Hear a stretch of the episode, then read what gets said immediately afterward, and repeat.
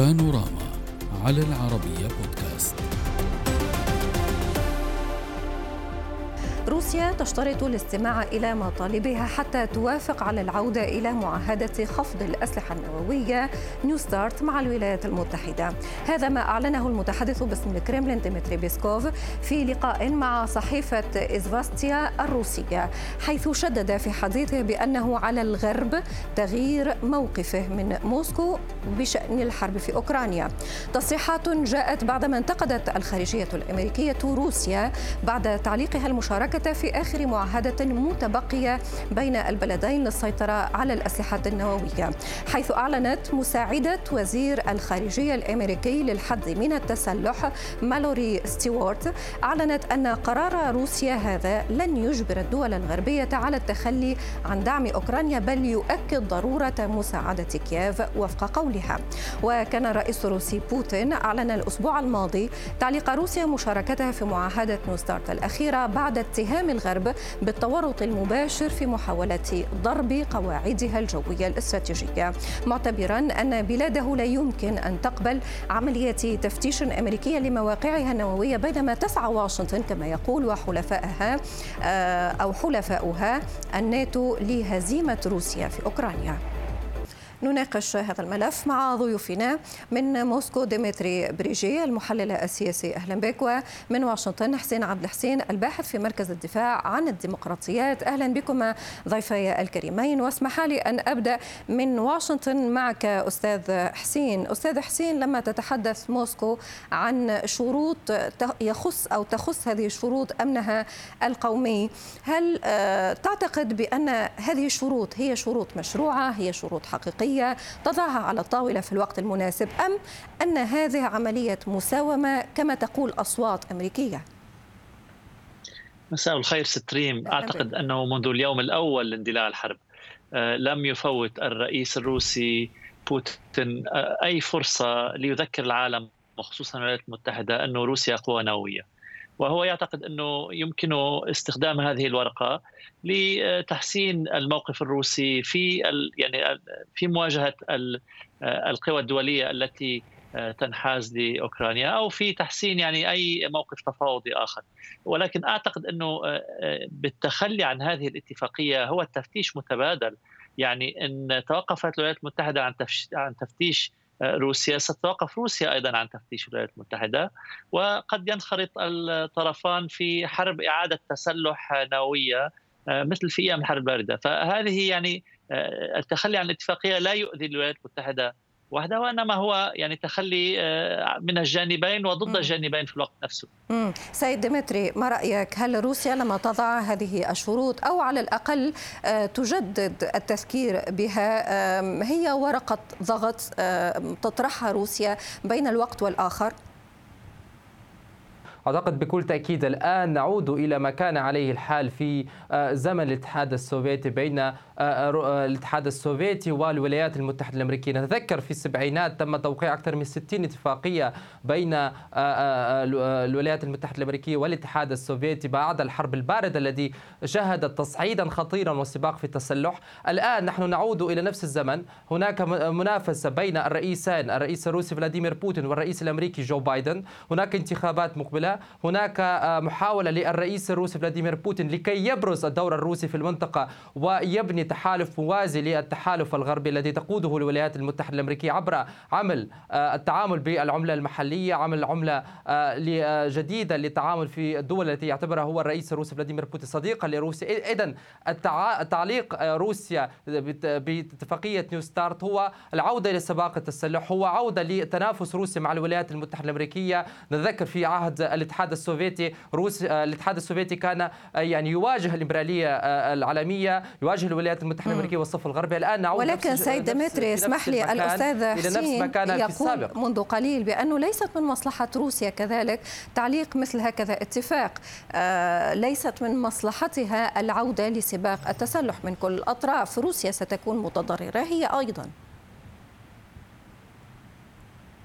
بكل تأكيد سوف يكون هناك ضرر في القطاع الاقتصادي لأن روسيا اعتمدت في السنوات القليلة الماضية في حقبة بوريس يلتسن على الدول الغربية والولايات المتحدة الأمريكية وأبرمت أكثر من آه، آه، كثير من الاتفاقيات في التعاون المجال الاقتصادي ويعني تبادل التفتيش فيما يخص الأسلحة النووية وتطوير الأسلحة. ولكن الآن أعتقد بأن في هذه الخطوة هو خطوة سياسية أكثر من خطوة يعني مجال العسكري لأن الرئيس الروسي فلاديمير بوتين كما قلت يحاول أن يبرهن للداخل الروسي بأن الغرب هو عدو روسيا الغرب يهدد الأمن القومي الروسي يهدد روسيا في أوكرانيا هو يسلح آه، آه، آه، أوكرانيا بالسلاح ما يهدد الأمن القومي الروسي والآن يعني حتى في ريف موسكو سقط سقطت مسيرة نعم. أوكرانية كما تتحدث وسائل الإعلام الروسية فواضح بأن هذا التنافس وهذا لعب المصطلحات بدأ يظهر بين الرئيسان الرئيس الأمريكي جو بايدن والرئيس الروسي فلاديمير بوتين لأن الرئيسان مقبلين على حملة انتخابية ولديهم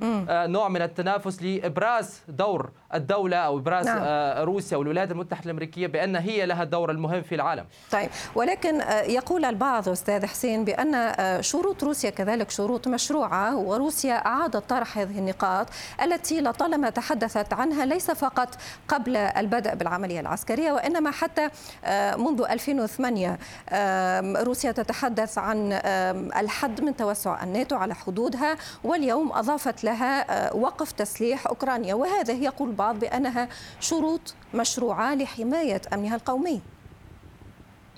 ولكن نحن نتحدث عن موضوعين. م. هناك اولا المخيلة الروسية حول يعني التوسع العسكري على الأرض وهناك آه، العلاقة الأمريكية الروسية النووية فقط. يعني آه، آه، نحن هنا قوتان نوويتان إن تواجهتا تؤديان إلى كارثة. ولذلك هذه الاتفاقيات كانت دائما بمعزل عن الاختلافات السياسية الأخرى بين الطرفين أو بين روسيا ولكن, ولكن أستاذ حسين ما الذي ستفعله روسيا؟ هي اضطرت لوضع مثل هكذا ملف. تعلم بأن هذا الملف هو ملف آه، ثقيل ملف قوي وأنه سيجلب انتباه العالم لأن العالم والقوى الدولية كلها آه، هي ترفض سباق التسلح فوضعت هذا الملف مقابل طرح شروطها من جديد أو التذكير بها. ولكن حتى في زمن الاتحاد السوفيتي والذي كان يعني أقوى من روسيا بكثير كان ثاني أكبر قوة اقتصادية في العالم بعد الولايات المتحدة. حتى في أيام الاتحاد السوفيتي كان هناك نوع من الضوابط للعلاقة النووية بين الدولتين كان هناك خط ساخن بينهما آه، لتفادي أي آه، حوادث. فهذا حتى في عز المواجهة بينهما كان هناك إدراك أنه لنترك الموضوع النووي جانبا ولنبقي خطا مفتوحا حتى لا نصل لحوادث يعني تضر لا روسيا وأمريكا فحسب وانما كل الكرة الأرضية.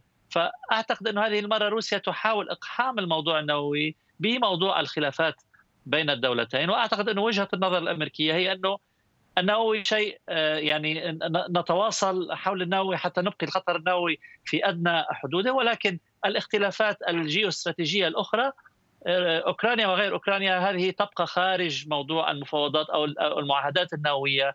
والخط الساخن والاتفاقيات النووية بين الدولتين. أستاذ ديمتري يبقى السؤال آه، من الذي وضع المجموعة الدولية أمام هذه التحديات الخطيرة؟ من المسؤول عن تعليق هذا الاتفاق؟ روسيا وحدها تعنت واشنطن كما يقول مراقبون، استمرار أوروبا في فرض عقوبات، من الذي سيتحمل مسؤولية إمكانية أن ينفلت الموضوع مع أي آه، خطوة خاطئة تأتي من أي طرف.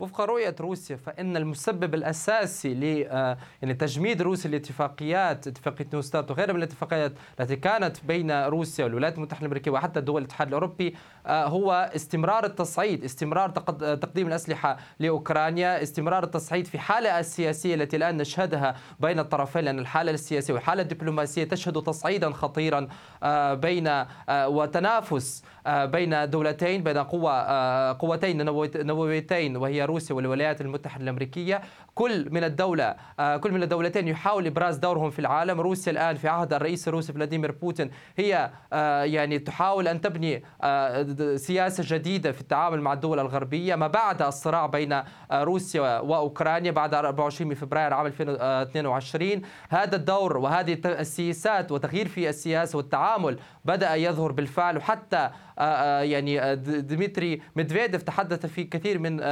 يعني ما كتبه في تيليجرام عن موضوع التنافس الذي يحدث الآن وعن نوع التهديد للأمن القومي الروسي من قبل الولايات المتحدة الأمريكية والصف الغربي والذي يراه تهديدا مباشر لروسيا ولوجود روسيا.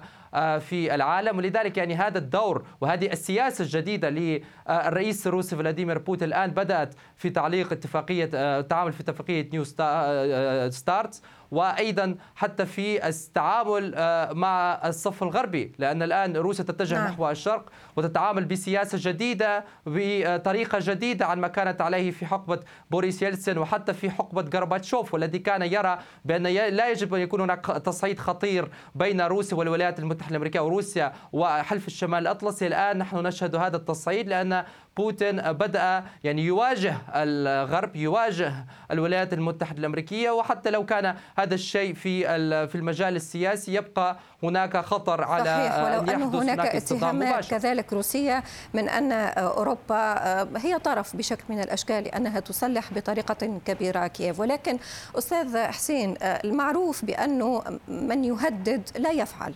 هكذا على الأقل القاعدة تقول. وحضرتك استذكرت بأن روسيا هددت لأكثر من مرة بهذا النووي. إن لم يحترم آه، الغرب هذه الشروط هل تنتقل للفعل تعتقد؟ باختصار أنت كرمت إن انتقلت للفعل هي تدمر نفسها في الوقت نفسه لأنه النووي يعني هو ردع متبادل من الجهتين ليس سلاحا هجوميا ويعني تفوز روسيا على إثره. فهو يتحول مثل النحلة التي التي يعني تخسر حياتها بعد هجومها. فلا أعتقد أنه روسيا ستقدم على ذلك وإن اقدمت يعني كل العالم أمام مشكلة أن أن يكون السلاح النووي في ايدي قيادة مستعدة على القيام بهجوم نووي من هذا النوع. نعم، أود شكرك جزيلا، شكر من واشنطن حسين عبد الحسين الباحث في مركز الدفاع عن الديمقراطيات والشكر كذلك لضيفي من موسكو ديمتري بريجي المحلل السياسي، شكرا لكم على المشاركة. السلام عليكم.